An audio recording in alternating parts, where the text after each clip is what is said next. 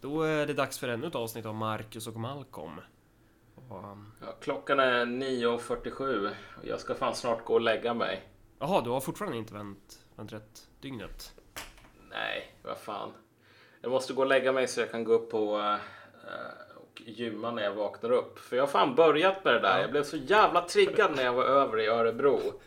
Såg att du hade hållit på och liksom gymmat och blivit stor. Ja. Och det slog mig bara att så här, Malcolm. Du skämmer ut kampen. Hur kan du kalla er en högerextrem podcast? Om du är så här jävla slapp. Liksom. Du låter fanan nudda marken. Det, ja. Så ja, nej, vad fan. Nu, nu, nu har jag börjat med det. För jag tänker så här att om ett år, du, du höll ju på att tjata förut om att vi skulle ha, du vet, alltså så här Youtube och så skulle vi filma oss själva. Eh, och, och jag tänker bara så här, vi kan ta, vi kan göra ännu bättre än att bara filma oss själva medan vi snackar. Vi kan filma oss själva när vi spelar Civ 6 i så här bar överkropp. Ja, fast det, ja. Jo, kanske. Fast då måste vi också så här, tatuera hammaren och skäran eh, rätt över bröstet också. Om det ska vara riktigt true. Ja, ja, nej men, nej men precis. Men alltså det, det är så här. Jag har hört att det här med liksom spela såna här spel på Youtube i bar överkropp är Alltså det, det, det är vad alla coola människor gör. Så liksom, vi, vi måste in på den marknaden. Men för det, innan dess så behöver jag fan börja gymma. Och, så, liksom. och som vanligt när du ska göra någonting så är det ju inte så här lite lagom utan du går ju från så här 0 till 200. Du, du får ju berätta hur, hur ditt träningsschema ser ut nu. Ja, nej men det är väl inte så jävla speciellt egentligen. Vad fan. Två gånger om dagen, Det- fem gånger i veckan. Ja, men vad fan. Jag har ingenting bättre för mig. Det är ju därför som jag håller på att vända på dygnet och allting sånt. Så liksom, min tid är inte värdefull. Eh, men nog om det liksom. Vi får se. Om ett år så kanske vi har de här Civ 6 matcherna liksom livestreamat. Uh, inoljade liksom biceps. Ja, du, får börja, du får börja med Civ 6 ikväll typ för att det är fan jävlar vad du ligger efter. Eh, men Ja, jo, jag vet. tänkte jag, jag har ju inte gymmat på eh, typ två veckor nu för jag har varit förkyld. Eller ja, jag har feber och skit. Jag satt i kommunfullmäktige och hade så här, satt och liksom huttrade bredvid Peter och hade massa feber. Eh, samtidigt som så här Miljöpartiet går upp och insinuerar att jag hatar homosexuella för att jag vill stoppa all hbtq-certifiering. Det var, det var inget trevligt läge då alltså. Jag var inte på bra humör. Det var... Nej, alltså, men du, du som alltid är ett sånt liksom ray of Ja, sunshine. verkligen. Det... ja. Nej, nu ska vi läsa Swish-grejer här. Ja. Mm. Hannes skriver A Sure Song Mage Blade. Det är sånt där vapen som är så svårt att uttala. Men, eh, men ja, det är bra. Kommer det bli en Det grej? hade jag fan en gång. En gång i tiden alltså. Hade du den? Jag kommer inte ens ihåg. Är Ja. det, ja, det är, ja, jag antar att det är från en mage. Är det ett svärd? Ja, men vad fan, var kommer det ifrån? Nu känner jag, nu har jag avslöjat mig som en jävla noob. Det är ju från Vanilla i alla Ja, fall. det måste det ju vara. Jag har för mig att det är, det är väl ett svärd? Är det? Eller- Ja, det är det. Ja, jag vet inte. Det är det.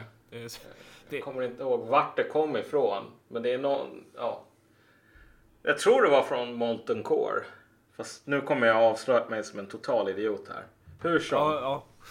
Eh, Det kanske kommer bli en grej då när folk swishar att de kommer skriva så här vapen från WoW. Det är rimligt.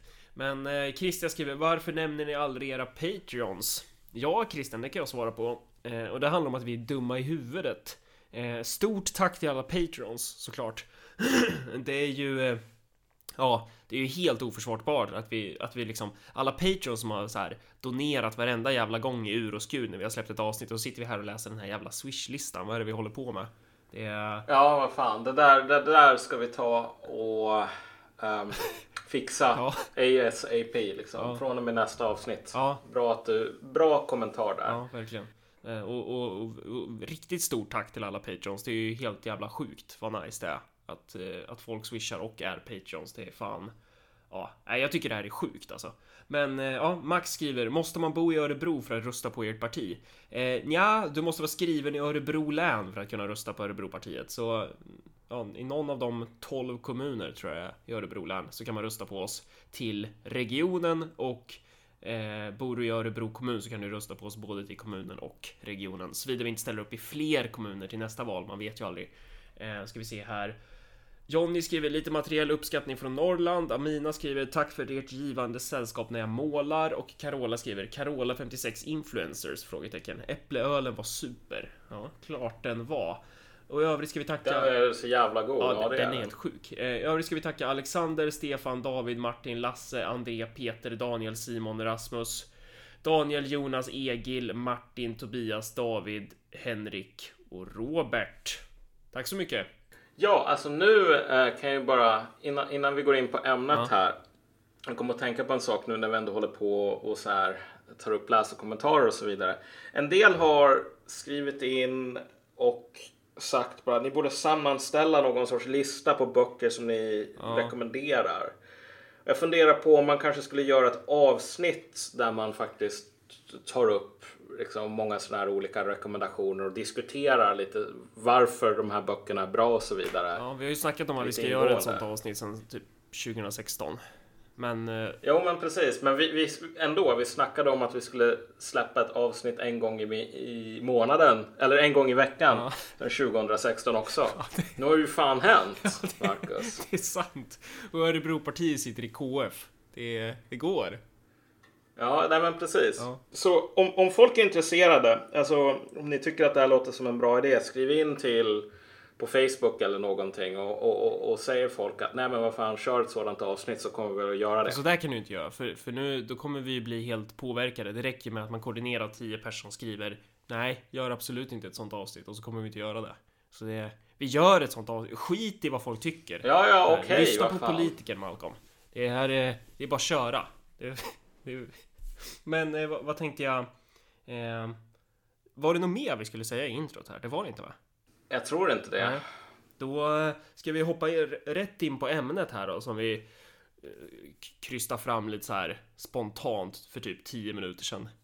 Ja, och det här blir ju, men, men det är liksom ett så här ämne som faktiskt jag tycker är... Men det har ju legat Det ligger där. i luften Ja, lite. exakt. Det har ju varit där framför ansiktet så länge så man har typ inte, inte typ tänkt på det på något sätt. Men, men vad var det som fick dig att tänka på liksom? I, i, i, du, du nämnde att du, du hade gått runt och funderat på en sak här. Ja, alltså Att det var ett visst... Jag- Jag tänkte ju skriva Ja. en krönika om det här, men det kommer väl troligtvis inte bli så för att när- jag när jag skriver krönikor, jag sitter i typ en dag och så skriver jag någonting och så tycker jag att jag är nöjd med det i fem minuter och sen så kastar jag det. Men eh, det som jag stör mig på är ju den här diskussionen nu när Ebba Busch Thor och eh, Kristdemokraterna har gått ut och sagt så här. Ja, men vet ni vad? Vi kan faktiskt behandla Sverigedemokraterna som vilket parti som helst. Och de har också sagt exakt samma grej om Vänsterpartiet ska ju noteras. Eh, så att ja, vi, vi är vuxna människor, vi kan samtala med de här personerna. Eh, och då har det blivit totalt jävla ramaskri som väntat liksom. Det här decennielånga tjatet om att så här, 30-talet är tillbaka, det går ju, det pikar ju nu typ. Ehm, och så att jag tycker att det är någonting ganska intressant i det där. Varför är det så jävla farligt att bara kunna säga så här, ja, vi har ett eget parti här och som ni ser så har vi ett eget partiprogram och det är det vi står för och vi kommer göra allt vi kan för att maximera det här. Ehm, Mm.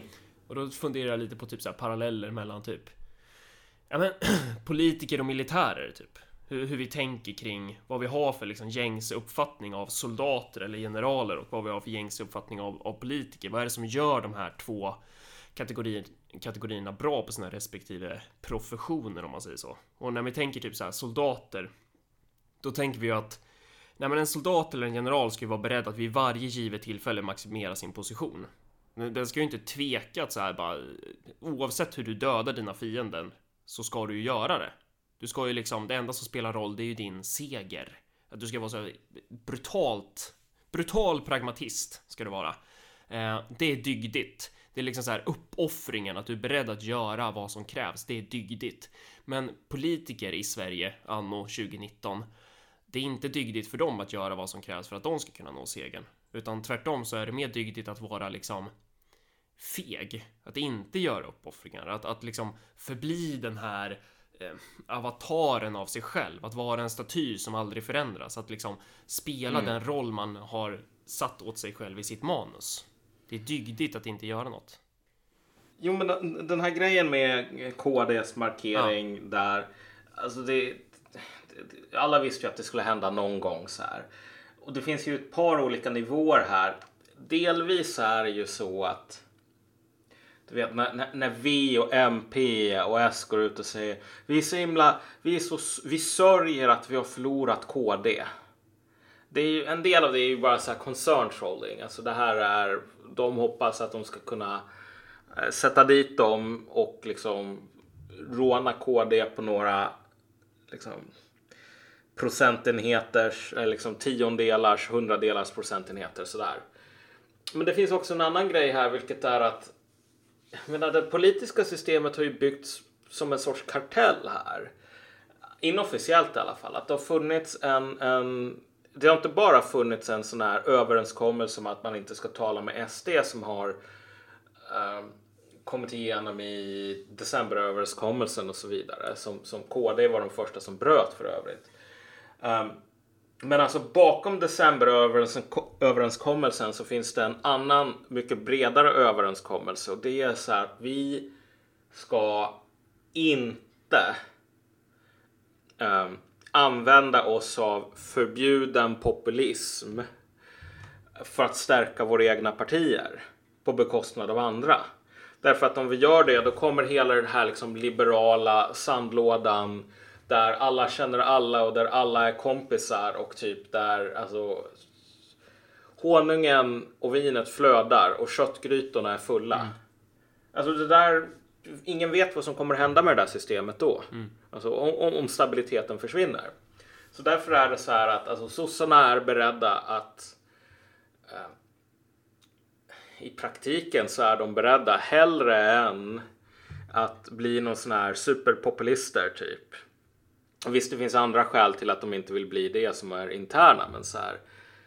Eh, märk att ingen i sjuklövern är överhuvudtaget intresserade av att um, kolla på så här politiker som får jättemånga röster i Europa och säga fan det där kan jag sno. Och du vet Christian Sonesson som har en 42 procent i Staffanstorp eh, vad håller partiledningen på? De håller ju på att liksom eh, lansera testballonger om de kan få, få honom sparkad.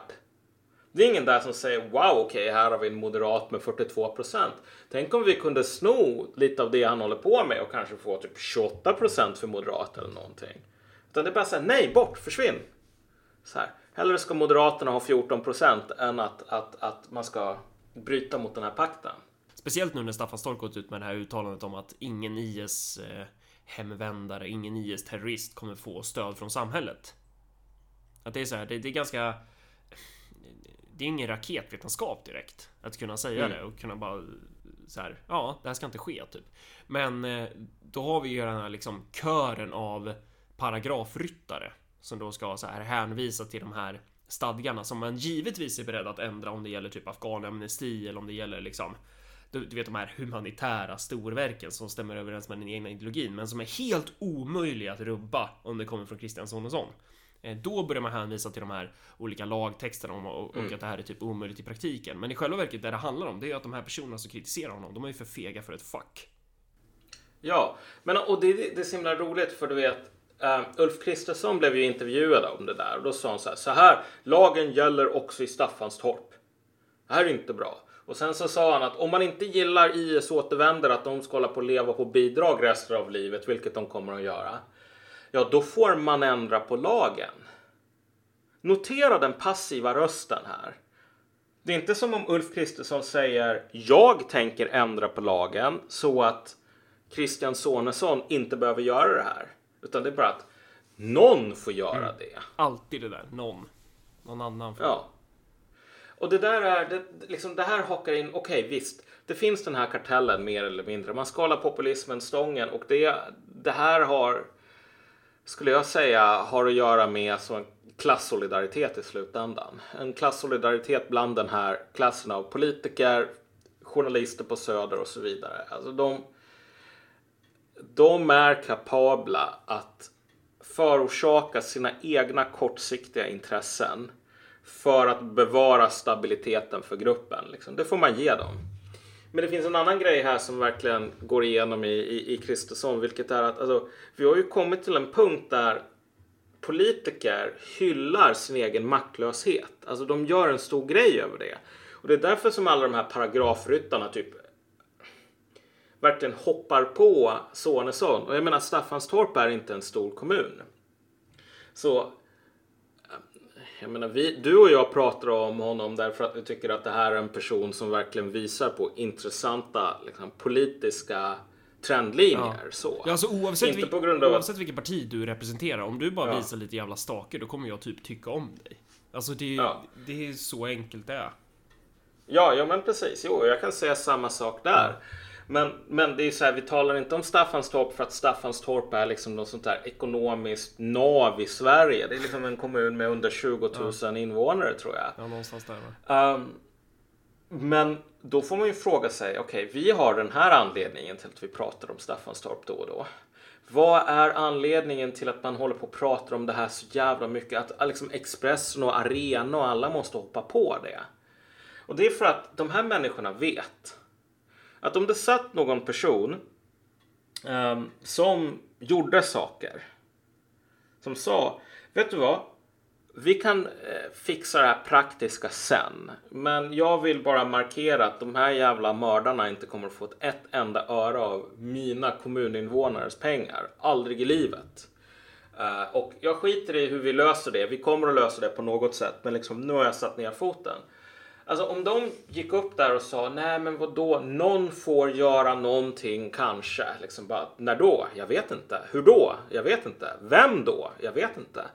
Alltså i en sån tävling så skulle alla de här människorna förlora hundra gånger av hundra. Och det är där som finns då, för att man, man skulle ju kunna ha en diskussion om så här, ja men... Eh, hur ska man säga? Den, den här debatten som förs i mainstreams media, eller den hegemoniska debatten och diskussionen kring både Sverigedemokraterna men också nu allt mer Vänsterpartiet eftersom så här högern måste börja kompensera för att de nu måste göra upp med det de tidigare investerat i. Men det är ju det här med varför kan man inte samtala med SD? Nej, men det är för att de är nazister typ.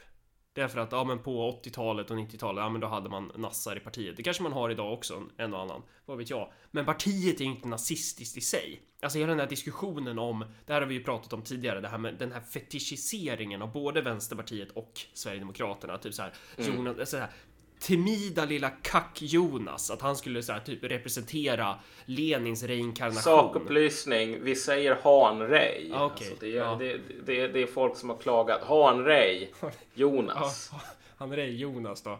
Fan, var var jag någonstans? Nej men att, att han typ skulle leda så här det klandestina, eh, liksom leninistiska avantgardet under den här eh, det här lagret av vänsterpartister bestående av typ garnbeklädda elallergiker och liksom veganer med som är osäkra på vad, vad de har mellan benen eller vad, vad det nu är för jävla karaktärer i det där partiet. Typ så här gamla övervintrade kulturarbetare från 68 som pratar om att de minsann var radikala då, fast de var det med måtta. Att de är liksom typ såhär Sovjetstyrkan på ena sidan och sen att SD är typ såhär NSDAPs reinkarnation. Att de, göm, de gömmer den här Nasse-uniformen på vinden och väntar på att bara Jimmy på Blekinge-dialekt ska skrika "Eh, Ma- Mach du Name och sen så ska det liksom bli fjärde riket i Sverige. Hela den diskursen kanske egentligen inte handlar om det.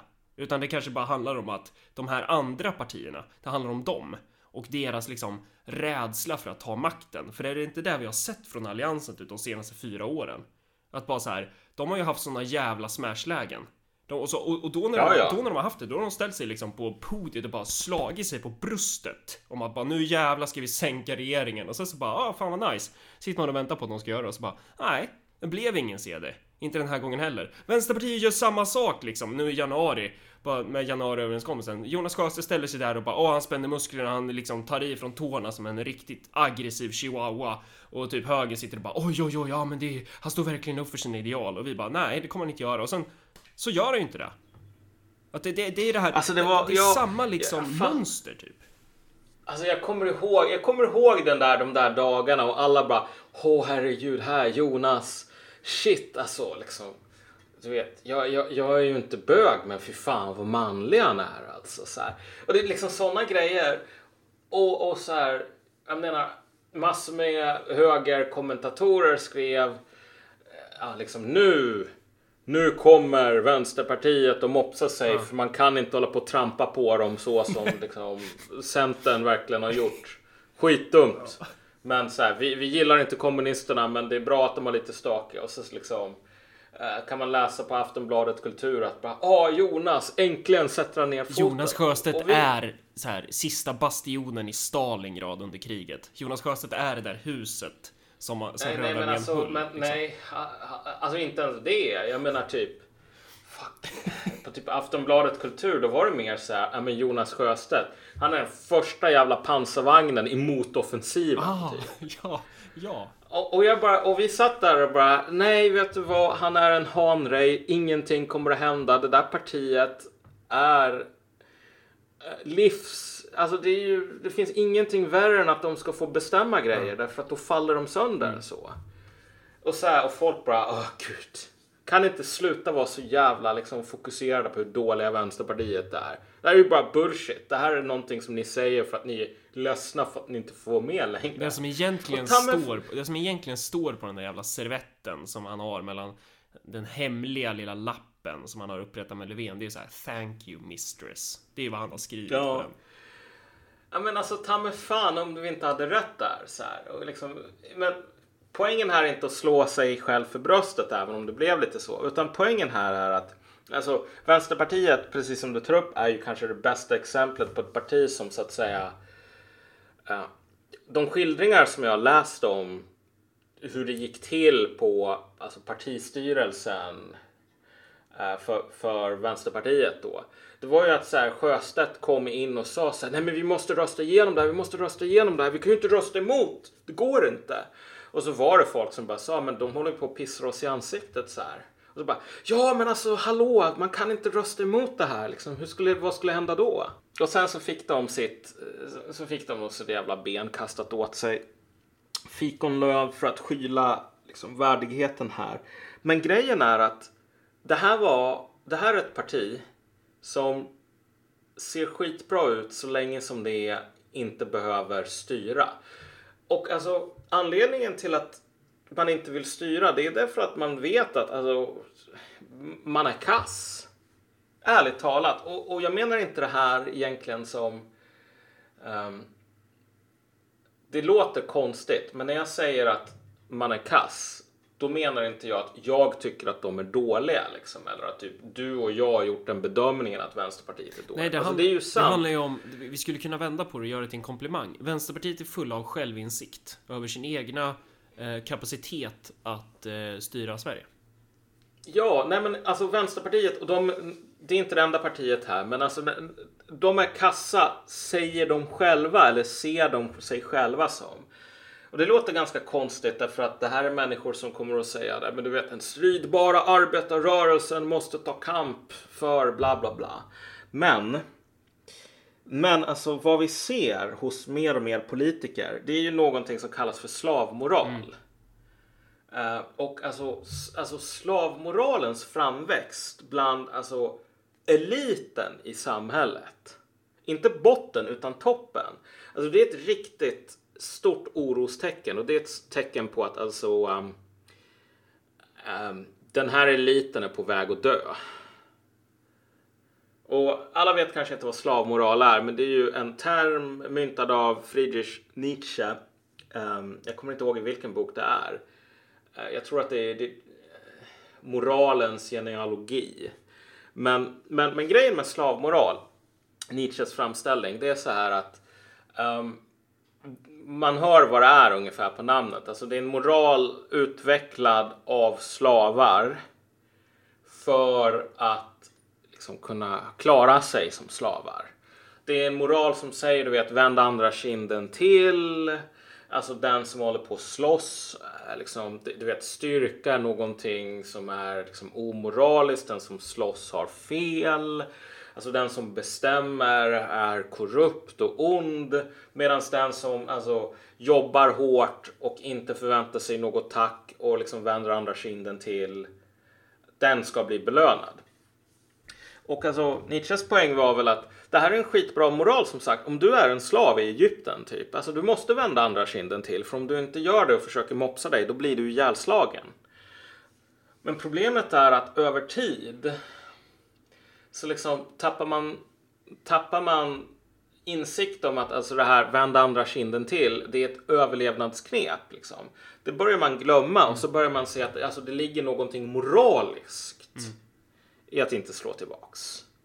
Att man är bättre för att man inte slår tillbaks. Alltså det är inte så att man inte slår tillbaks för att man vill överleva utan det är så här att vi är så himla mycket bättre. Eh, och han tar det här exemplet på liksom hur alltså, här moraliska, moralismen håller på att typ ruttna bort eller kontaminerar saker och liksom gör att folk inte riktigt kan se sin egen situation. Han, han tar upp det här exemplet. Om du tänker att du har en grupp lammungar och så har du en grupp örnar och de här örnarna de är ju hungriga stup i kvarten så de håller på och bara sveper ner och bara fångar upp lammen i sina stora klor och så äter de upp dem. Um, Tänk dig då att de här lammen börjar utveckla liksom någon sån här moralisk berättelse som handlar om att så här, örnar är onda. Medan lamm är goda och fina och snälla. Lamm är de som gör saker som man ska göra som är moraliskt liksom, eh, beundransvärda. Medan örnar, de är bara gjorda av ren ondska, liksom, lata, dumma, elaka, liksom, förstör allting, all harmoni i universum. Uh, och så påpekar Nietzsche att om du berättar att lammen hade den här berättelsen där örnarna är roten till allt ont och det som är, är en, alla grejer som örnar är, är liksom dåliga, onda. Uh, de här, enligt Nietzsche, så skulle de här örnarna bara rycka på vingarna eller på fjädrarna eller vad det nu är örnar rycker på. Så skulle de säga så här, det här är väldigt intressant att de berättar såna här historier, men jag ser inte riktigt poängen. Vi skulle aldrig någonsin för våran skull, om jag ska tala för oss örnar här, vi skulle aldrig någonsin komma på idén om att lamm är on, eller onda. Det finns ingenting som är mer gott än ett krispigt litet lamm när man är hungrig. I smaklig bemärkelse då. Ja, jo men precis. Um, och också liksom i, i, säkert också i någon sån här moralisk bemärkelse att det är bra att lamm finns för annars skulle vi inte ha någonting att äta. Um, så att det är jättebra att universum är fullt av lamm, skulle de här örnarna säga. De skulle inte säga vi måste få bort lammen eller någonting sådant.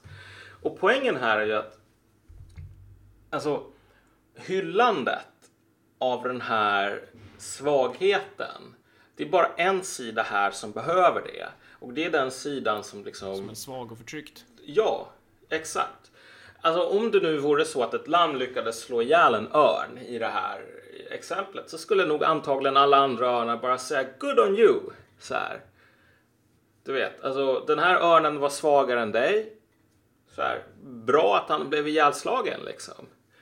Um, och grejen är typ att om vi ska ta någonting som IS-återvändare så här. Vad är det som Kristersson säger? Han säger att någon får komma på någonting. Och sen så visar det sig att det inte är någon som gör det utan den här grejen den rinner bara ut i sanden. Um, notera att våra politiker har lagt an ett språkbruk som är typ vi har varit naiva och vi, liksom, vi gjorde lite misstag, vi tänkte inte på det här. Alltså, som om när någon säger typ vi har varit naiva vad den här personen säger är att jag har ett kvitto på att jag har rätt sorts moralisk, liksom du vet, om du, om du kollar in i min hjärna, jag hade bara goda intentioner.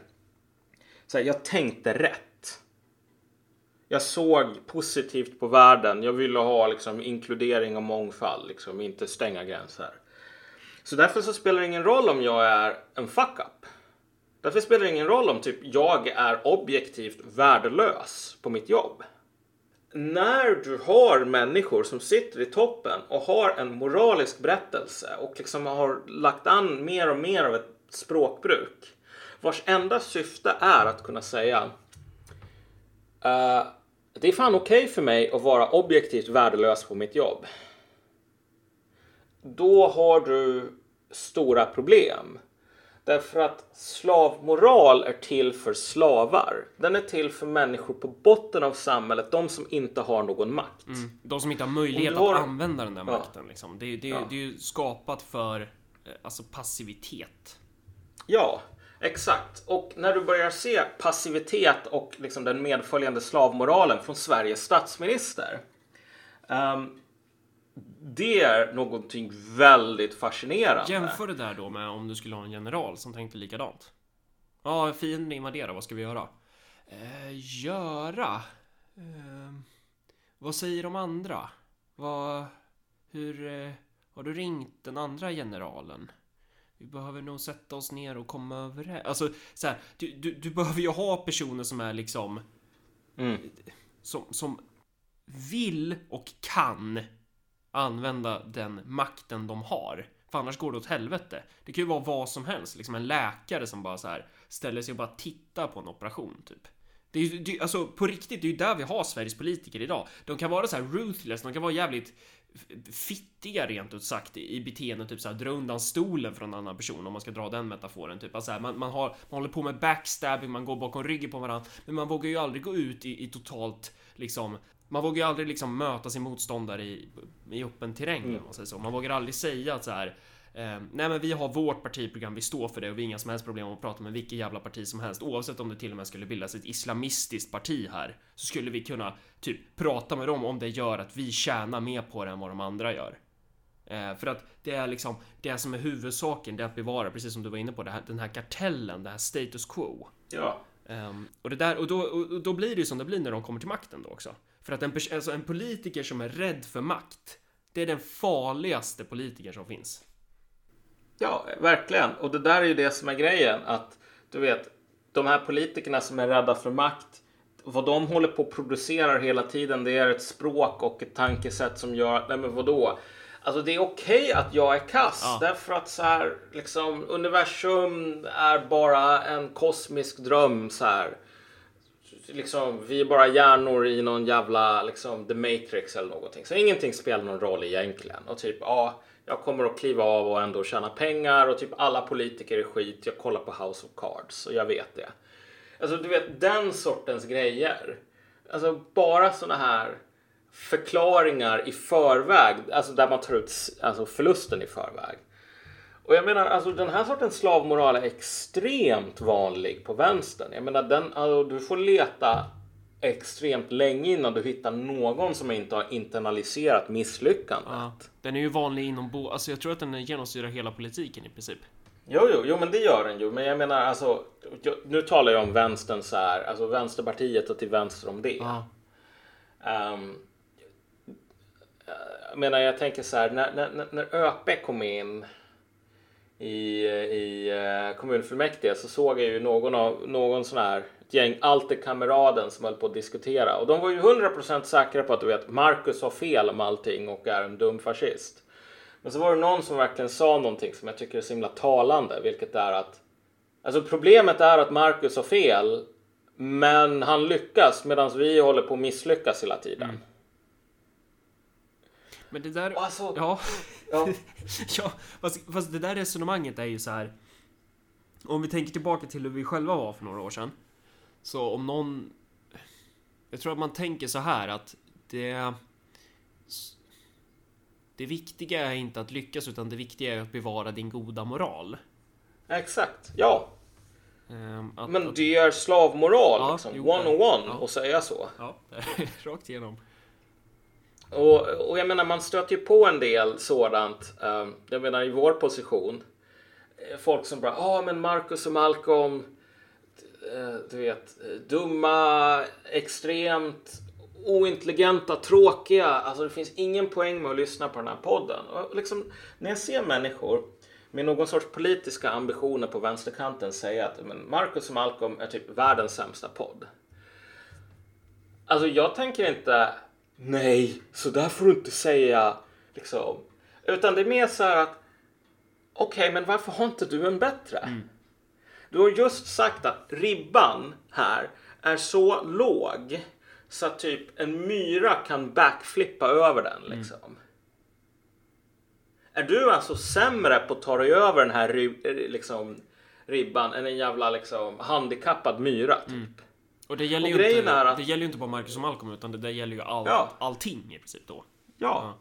Men, men grejen är ju att om du verkligen pushar de här människorna så kommer de att säga ja, jag är värdelös. Och jag håller på och försöker hantera det. Ja, ja jag vet att alltså, jag kommer inte att lyckas med de här grejerna. Ja, jag vet att så här, Vänsterpartiet håller på att tappa arbetarväljare och det är bara liksom allt det här snacket om en stridbar arbetarrörelse. Alltså det är bara ett skämt. Alltså de här människorna vet det och spenderar en ansenlig mängd mental energi och tid på att komma på olika sätt att leva med den här insikten om att de redan har förlorat. Men många älskar ju det där. Det var ju det som karaktäriserade den här så kallade oppositionen i Ung Vänster till exempel. Som vi ju själva var en del av. Det var, men, så här att man måste gå och anklaga förbundsstyrelsen för att vara reformister och sossar typ. Eh, och det var jätteviktigt att ha kvar den här kommunistiska skrivningen i principprogrammet och ja, alla, alla skrivningar om revolution och sånt där. Eh, och sen så typ när man väl kommer och har liksom alla de här namnunderskrifterna klara för att fixa en extra kongress och bara kuppa skiten ur hela jävla ungdomsförbundet. Vad säger de här människorna då? Och då säger de, nej fast det här sättet är inte genuin marxism. Det är inte genuin marxism att ta över makten på det här sättet. Ja fast å andra sidan, alltså du vet. Och då, det är då man börjar inse att de här människorna älskar ju att de är i opposition. Och det är inte bara ja, alltså, vänster, utan det där går igen även i kommunpolitiken. Det går igen på riksplan också. Det finns så jävla många personer som man träffar och som man bara märker såhär bara, den här personen tjänar 67 000 kronor i månaden. Eh, och han, han älskar att vara i opposition, för han behöver aldrig ställas till svars för någonting. Han mm. behöver liksom aldrig... Det enda man behöver göra det är att gå upp i talarstolen och kasta skit på sossarna och så kan man göra det i 12 år och sen får du din politikerpension och så är du safe eh, livet ut. Och det där går igen i mm. hela jävla Sverige den typ, alltså i hela politiska Sverige så har du, det kryllar av den typen av politiker. Och det farliga är ju när deras motståndare fuckar upp så mycket så att de hamnar på makten. Det är ju inte konstigt att det går åt helvete då, för att de vill ju inte vara där. De, de har inte ens förberett sig för att vara där, för de har tänkt att så här, nej, det det handlar om det att vara i den här trygga slavpositionen, i den här oppositionen och bara liksom sitta och, och, och typ ritualisera sin, sin moral, sin dygdighet ja. av att inte göra någonting. Alltså, du vet, det finns den här, och det här måste man faktiskt, här måste man föra diskussionen tillbaka till sossarna, därför att folk är fast i en villfarelse idag. Det finns den här uh, citatet, jag kommer inte ihåg vem det var som sa det, men att alltså sossarna har alltså två punkter på sitt partiprogram, eller vad det nu var. Det är så här, punkt nummer ett, ta makten. Mm. Punkt nummer två, behålla den. Mm. Det där är inte sant. Det där är inte sant för fem öre. Det är inte alls så som sossarna funkar. Alltså du, du, du behöver bara ögon att se med för att se att det är verkligen inte något sådant som har skett de senaste liksom, tio åren i alla fall. Vad sossarna är intresserade av det är att ta riksdagsplatser. Det är inte samma sak som att ta makten. Därför att du vet om du har riksdags, en riksdagsplats, om du kan tillsätta massor med generaldirektörer, okej okay, du får massor med pengar. Men sossarna är inte intresserade för fem öre av att använda makten. Och det kan vi ju se därför att de gör inte det. Du vet, eh, så här, den här grejen med liksom lagen om IS-återvändare. Den fälldes på grund av att lagrådet sa att nej men du vet det här strider mot föreningsfriheten. Lagrådet är en rådgivande institution. Eh, sossarna har makten att säga, vet du vad lagrådet, tack. Nu kan ni sätta er ner och vara tysta. Därför att vi har makten att skita i er och vi kommer att använda den nu. De har den makten. Mm. Det var det de gjorde med Men den ligger bara och skräpar. Den makten ligger bara och skräpar. Ja, men det var ju där de gjorde, det var ju där de gjorde med afghanamnestin till exempel. Ja, exakt. Då passade det. Ja, alltså... Då passade det att pissa på lagrådet. Men nu, ja, nu är det bara såhär, jaha, oj då, lagrådet säger nej. Oj. Ja, men exakt, men grejen är så här, kolla. Att alltså den här afghanamnestin så ville man väl få ihop för att typ eh, splittra alliansen, kunna skicka något ben åt MP så att man skulle kunna sitta och lyfta sina jävla löner ett par år till. Eh, och nu finns det inte sådana kalkyler här med att man ska kunna, du vet, öka på köttgrytorna av att hantera en enorm jävla säkerhetskris för det här landet. Så då gör man ingenting. Så liksom när folk säger så här, ja men du vet sossarna, så jävla maktlysta. Nej, vet du vad? Sossarna är extremt eh, aggressiva när det gäller att hitta olika köttben och dela ut till olika faktioner inom sitt parti därför att annars så faller partiet sönder. Det är inte ett parti som är intresserad av att göra saker. Eh, och det är därför som någon som Christian Sonesson kan visa typ mer initiativ ensamt än resten av landets politiker har gjort gällande typ IS-återvändare. Liksom. Och det är inte på grund av att Sonesson har visat så här, liksom, en, en ofantlig, en, en, en, en, gigantisk mängd initiativ. Det är att han har visat initiativ. Ja, och jäm, alltså, Sonesson tillhör ju på något sätt en, en så gammal... Det är ju lite av den här gudfadern politikern. Ja. Eh, och, och med det menar jag någonting positivt. Alltså den här starke mannen som, och du, hade, du hade ju en sosse i princip varenda kommun i det här landet, eller kanske centerpartist då för. Det var liksom så här, men behövde du få något fixat, ja, men då ringer du. Du ringer kommunstyrelsens ordförande och säger ja, tja, jag behöver bygglov till min plank. Ja, det är lugnt, jag fixar det. Och så har du det på måndag. Typ. Det är väldigt romantiserat mm. där genomkorrupt modell. Men, men att det är den här, den här handlingskraftiga personen som faktiskt sitter på makten för att den, den trivs med att göra det och den är bra på det. Eh, men ja. om man tittar på typ hur diskussionen går idag, så det där är ju typ det fulaste du, du kan tänka dig i den här gängse uppfattningen om hur ska en politiker vara. Så det, det är fint att Lars-Ola, han går inte in i sminkrummet hos Jimmy Åkesson. Eller så här, Jonas Sjöstedt tänker aldrig, aldrig ge Sverigedemokraterna utrymme. Att det är det här fegheten hyllas. Alltså det här rädslan att smutsa ner sina egna händer hyllas. Så här, vad är det värsta vi kan tänka oss? Ja men Stalin, det är det värsta som finns. Och inte då i termer av så här att han slaktade väldigt många människor. Utan i termer av att han, han var också handlingskraftig så. Alltså den här farliga politiker. Vi kan ta Putin, det kanske är ett bättre exempel så. Det är mer nära i tid också. Så Putin är liksom, han är ju ruthless i den aspekten. Han är bara så här, äh, men så här, det finns två punkter i mitt program. Det är så här, hur tar jag makten och hur behåller jag den? Det gäller ju för honom i alla fall. Eh, därmed inte ja, sagt att jag, att jag typ stödjer Putin, men alltså den karaktäristik, alltså den, hur ska man uttrycka det? Det, det säger någonting om vårt politiska system när vi tycker att det där är ett sjukdomstecken, för det borde ju vara tvärtom. Alltså, en politiker som inte jagar, eller en tiger som inte jagar, det är en sjuk tiger. Det är en svag Ja, men tiger. exakt. Och du ska... Men vi, kan ta, vi kan ta två andra exempel här faktiskt. Uh, Viktor Orban, Matteo Salvini. Ja. Jag menar Orban, och det här är det, alltså diskussionen kring Orban, det är bara, oh, han är inte demokratisk, bla bla bla, fast det är ju ingen som vill gå hela vägen och rikta så här anklagelser om valfusk mot Ungern. Utan det är så här, han är odemokratisk, okej, okay, han vinner demokratiska val. Jag menar, hans parti har ju egen majoritet. Men det är ju på grund av att, alltså, hur, hur systemet funkar. De har typ bara 42 procent eller något sånt. Um, det största oppositionspartiet Jobbik tycker att Orbans problem är att han inte är Orban-lik nog. De vill ha mer Orban än vad Orban levererar. Um, och de har tillsammans typ en 60 procent eller någon inom väljarkåren i, i Ungern. Och det där är en person som gör saker. Han sitter på makten och han använder den. Och så sitter det massor med liberaler återigen och typ sossar och vänsterpartister återigen med, med eh, 100% slavmoral, vilket är varför bryter han mot våra gemensamma regler om uppförande? Fuck it, det här är politik. Det är så här, vad du ska göra det är att åka till Ungern och så ska du säga så här. Rösta på mig, jag är bättre än Orban.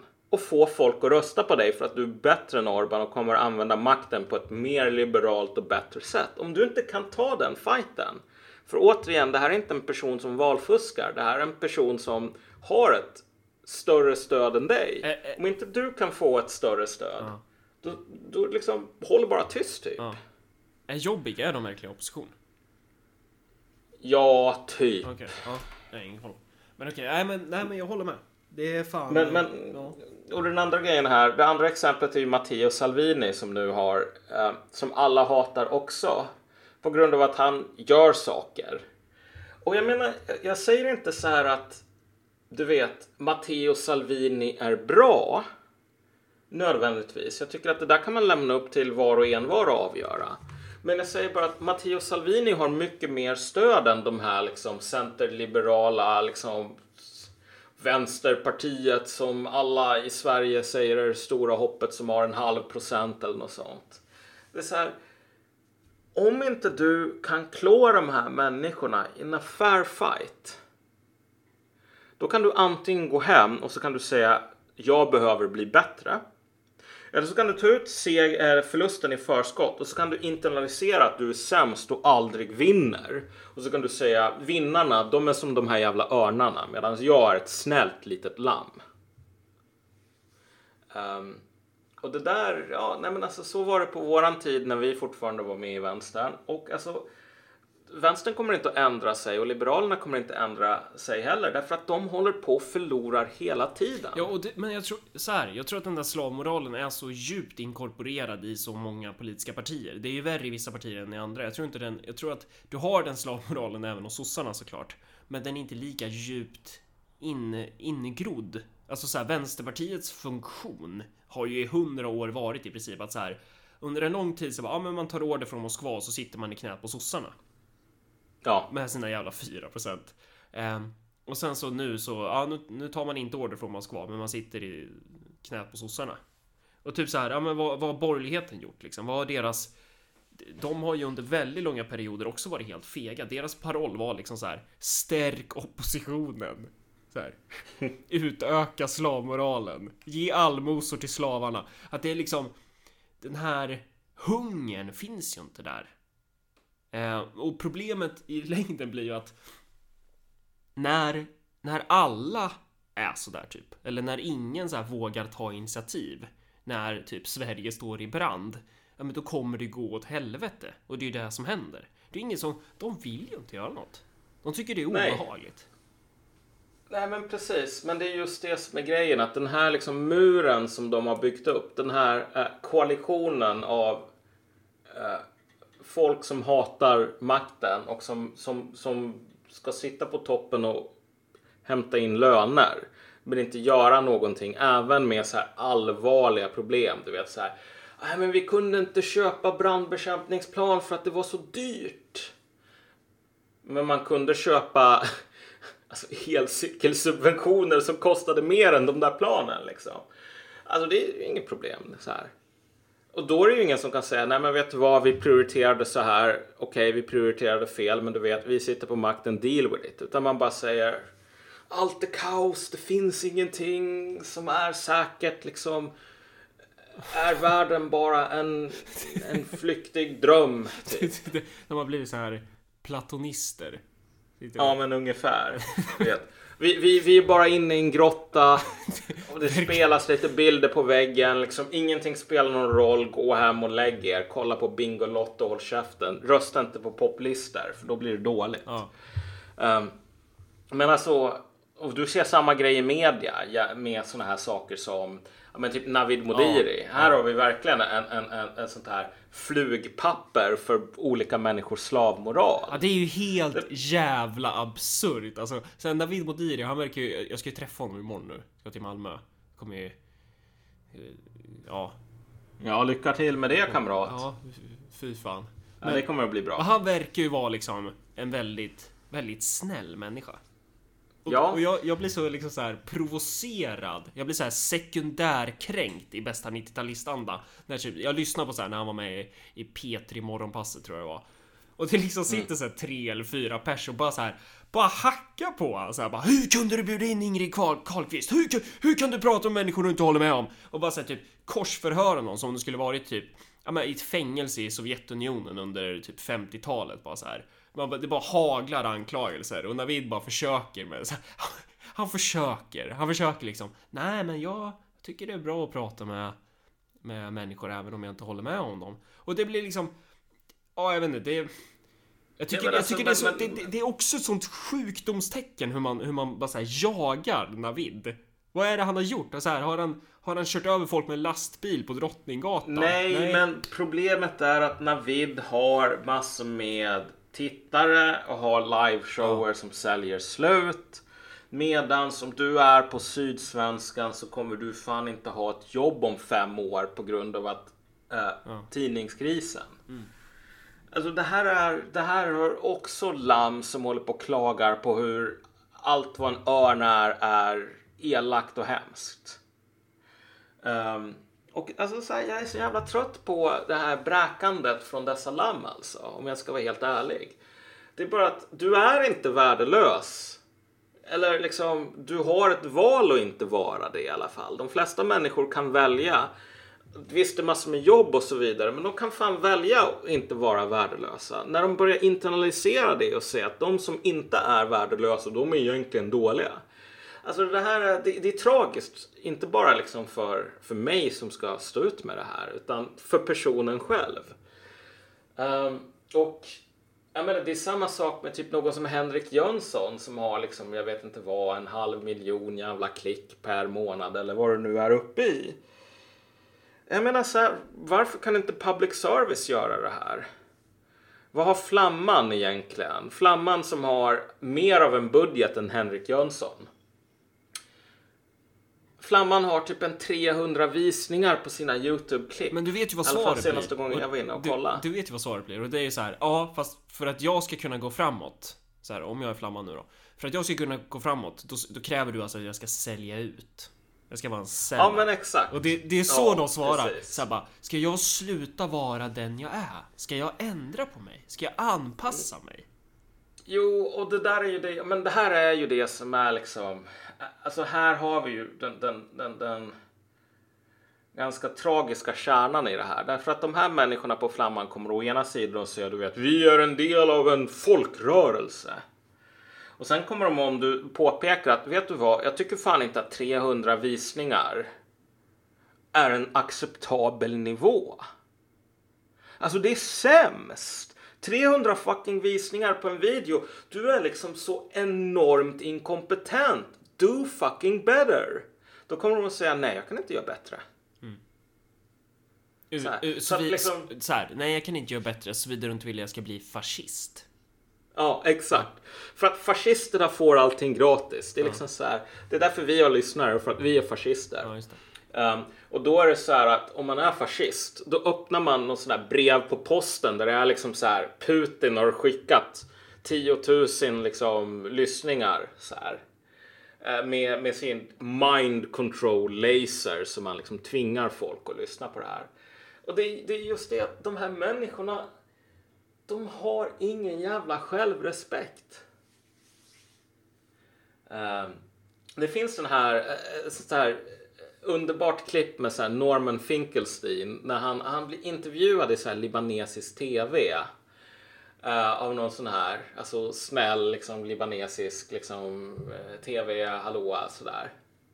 Och han bara liksom går berserk ungefär, typ och bara börjar skälla ut henne så här och skälla ut typ hela landet Libanon på grund av att så här, ni har ingen jävla självrespekt. Så här, israelerna håller på och bombar och bombar och bombar och liksom bombar det här dagiset och så vidare och sen typ så sticker de när de är trötta på att bomba. Och så liksom kommer så här Condoleezza Rice och George Bush och så rullar ni ut röda mattan så här.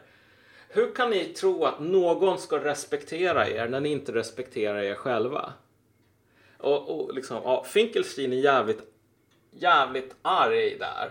Men alltså det är en berättigad fråga som jag alltid haft i bakhuvudet. Alltså hur kan någon person kräva respekt av andra som inte respekterar sig själv? Om du jobbar på Flamman och säger 300 views, det går inte att göra bättre än så här. Jag kan inte det för att du vet så här. Whatever. Anledningar, bortförklaringar. Du har ingen respekt för dig själv. Men det där spelar ju också in i typ så här. För den här slavmoralen rinner ju över in i juridiken också. Typ de här ja. lagförslagen om att Nej men vi ska Nej men den här censurlagen som var på förslag om att man ska typ ha media som... Vad fan var det det handlade om? Det var väl någonting om att typ bara de så kallade etablerade medierna. Man skulle definiera, börja så här formellt definiera vilket mm. skrå av tidningar och journalister och åsikter som var legit och, och, och, att det är de då enbart som ska typ få tillgång till så här lexspace och sånt där. Man kan inte anförtro det åt eh, de smutsiga pöbelmänniskorna som Chang Frick till exempel. Eller liksom andra alternativmedier. Alltså den typen av lagförslag är ju också en del av den här diskursen. Som är att man vill liksom renodla och slå vakt om sina privilegier. Man ska slå vakt om, det är ingen som ska komma och trycka, rycka ur den här sugsnaveln som har kört in djupt, djupt in i statens eh, skattkista. Um, och, och, men det är inte liksom så här, och det är ju också så här reaktionär karaktär på det. Att det är så här, man ska skydda sin privilegierade ställning, inte att man ska försöka utveckla sig själv Eh, så man kan eh, besegra sina motståndare den vägen. Utan man ska så här, eh, bara, äh, men jag bygger en mur runt mig själv för att bevara status quo. Eh, och de, den typen av lagar tror jag vi kommer se ännu mer av. Eh. Nej men exakt. Alltså, och, jag menar. Men här är grejen alltså i slutändan. Eh, du vet, högerpopulisterna, de är örnar. De har gjort det valet. De är örnar. Och så håller de på och åker runt och håller på att fånga lite lamm då och då och då. Och så blir de starkare och starkare och starkare och så tänker de fan, när jag är ännu starkare och ännu större, då tänker jag fånga ännu större lamm. Och så har du, du vet, eftersom alla, vi är alla människor, vi har valet mellan att vara örnar eller att vara lamm här. Det är inte nödvändigtvis så att alla örnar måste vara höger. Men då behöver det vara andra människor som väljer att vara örnar. Um, och alltså det, det är ingen som gör. Mer eller mindre. De här lagförslagen, alltså det är too little too late.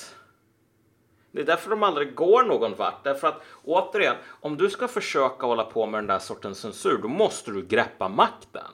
Då måste du använda den och då måste du hålla på och hantera sådana här saker som okej, okay, vad fan kommer det här att göra för vad, kom, liksom, hur, hur, lätt kommer det vara att haffa folk? Vad kommer det att göra med mina eh, väljarsiffror nästa gång?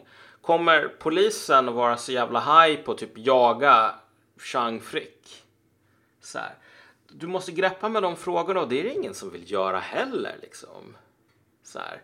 så det, det, och det är det som är grejen med de här lammen i slutändan. Att alla de här sakerna som någon skulle kunna göra för att typ, jag vet inte vad, införa någon sorts liberal diktatur. Förbjuda alla elaka icke-liberaler. Du vet, det, det, är för mycket. För mycket alltså risk för att de ska göra det. Utan nu kommer vi att ha en politisk klass som bara sitter passivt och håller på och klagar på folk som gör saker folk som tar initiativ. De kommer att klaga på KD, de kommer att klaga på Sonesson eh, och de kommer att klaga på ÖP också. Inshallah. Mm. Jo. Nej men ja precis. Och då, så då när man ser den här liksom. För, för den där frågan, bara det här att journalister man ställer Ebba Busch Thor till svar som om man skulle brett vägen för Adolf Hitler. Alltså att det är typ... alltså, här, inte bara bara, what took you so long? Alltså, vad, vad är det som är så... Jag tycker, alltså, om man sätter det här i det här ljuset. Istället för att bara tänka, ja men okej, de här för liksom... Det här är godhetens kamp mot ondskan och det stora mörkret. Det här med att isolera SD. Eller för den delen isolera Vänsterpartiet. För vissa på högerkanten tänker ju så om dem. Eftersom de liksom idioter på sitt sätt. Eh, men att det är så här att det här är den stora kampen mot mörkret. Om man, om man slutar tänka så, och sen kanske bara tänka så här, ja fast vänta lite, det här kanske bara är ett jävla sjukdomstecken på Sveriges samlade politikerkår. Mm. Att de är, de är rädda för att själva ta, eh, för att bara kunna stå upp för vad de själva är. För att jag menar, alltså, alltså det resonemanget är så stört så här, bara, men det är 20% av riksdagen som man bara har valt att säga, vi ignorerar dem. Vad är det för jävla sjuka människor som gör så? Nej, men, men alltså kolla, vi hade en allians som under fyra år inte la en budget därför att om de hade lagt en budget så skulle det vara den budgeten som gällde. Ja, nu fick vi de var rädda för att... Men, och, det, och det fick ja. vi ju typ. Det är det som är det roliga att så här, när får vi en alliansbudget? Ja, men typ när, när alla retirerar så mycket så att ja. man bara så här, någonstans snubblar man och så röstar man igenom en budget. Det är så här, när får man en regering? Jo, när alla retirerar i tre omgångar och sen snubblar någon så får vi en regering. Det är inte så här bara, ja, på, på första och bästa smällen liksom. Mm. Men alltså, men, men eh, vi kan ta och runda av här tror jag. Ja. Men um, vi, den punkten där det verkligen kommer att bli intressant att se vad som händer med, med den här politiska slavmoralen, det blir nästa ekonomiska kris. Jag tror att man kommer att göra jävligt lite och så kommer man säga så kommer man göra jävligt dumma saker. Och så kommer man att säga "Ja, vi, kunde inte göra någonting annat because reasons. Ja, som sagt, personer som är rädda för makt ska inte ha makt. Nej, det ska de inte. Och eh, förr eller senare så förlorar de alltid den också. Och förhoppningsvis så kommer den dagen förr snarare än senare. Jag personligen så är jag så här, jag är ju rädd eh, att jag inte kan tillräckligt. Jag vet i alla fall att jag inte kan tillräckligt. Och jag sitter ju varenda jävla dag här i Örebro och bara så här eh, kastar massa skit på min poolsäck Elliot. Bara så här, vi måste, vi måste, vi måste gå igenom det här, vi måste lära oss det här, vi måste, alltså. Jag vill ju, om jag skulle få makt, då vill jag veta hur jag ska kunna hantera den. Jag vill aldrig hamna i en situation då jag, då jag måste svara, jag kan inte det här. För jag hatar att svara det. Ja, men alltså tänk dig om du inte bara hamnar där utan du också hamnar i att alltså, du börjar utveckla en sån här ironis, liksom ironiserande hållning bara att ja men vet du vad jag kan ingenting för att liksom allting är bara skit och liksom politi politiken är house of cards. Man bara gör en meme typ. Man gör en Ja, meme om man inte kan något. Ja, nej alltså det där, det, det, det är tragiskt. Ja. Alltså det är tragiskt hur vanligt det är. Ehm, men ja, nej men vi, vi, vi, vi kanske kommer att återkomma till det här framöver. Men nu har vi i alla fall diskuterat i en timme om örnar, lamm och varför sossarna faktiskt inte alls är ute efter makten och inte varit det på ett bra tag. Ja, ja, det är ett perspektiv i alla fall. Eh, ja, då skiter vi i det här då. Ha det bra hörni. Ja, Hej. ha det bra.